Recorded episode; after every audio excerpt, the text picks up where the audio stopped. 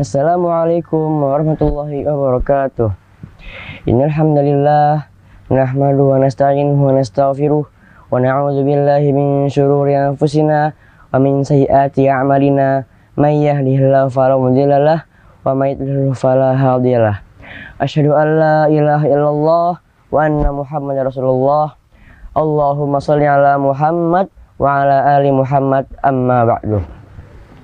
Sahabat Mesa TV yang dirahmati Allah, salah satu yang bisa merusak kualitas pahala som adalah amarah dan pertengkaran. Perlu ada upaya dari kita agar amarah dan pertengkaran itu bisa diredam.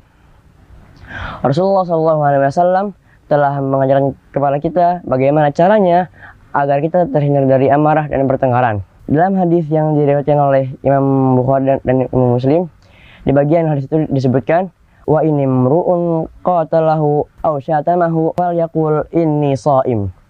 Dan jika seorang memakimu atau mengajakmu bertengkar, hendaklah ia mengatakan sungguhnya aku sedang berpuasa.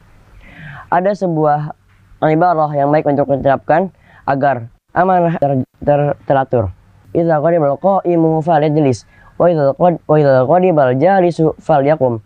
Apabila marah dalam keadaan berdiri, maka duduklah. Dan jika marah dalam keadaan duduk, maka berdirilah.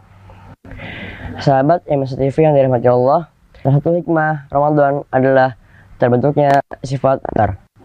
Mari kita manfaatkan bulan baik ini untuk melatih segala kebaikan, termasuk mengatur amarah.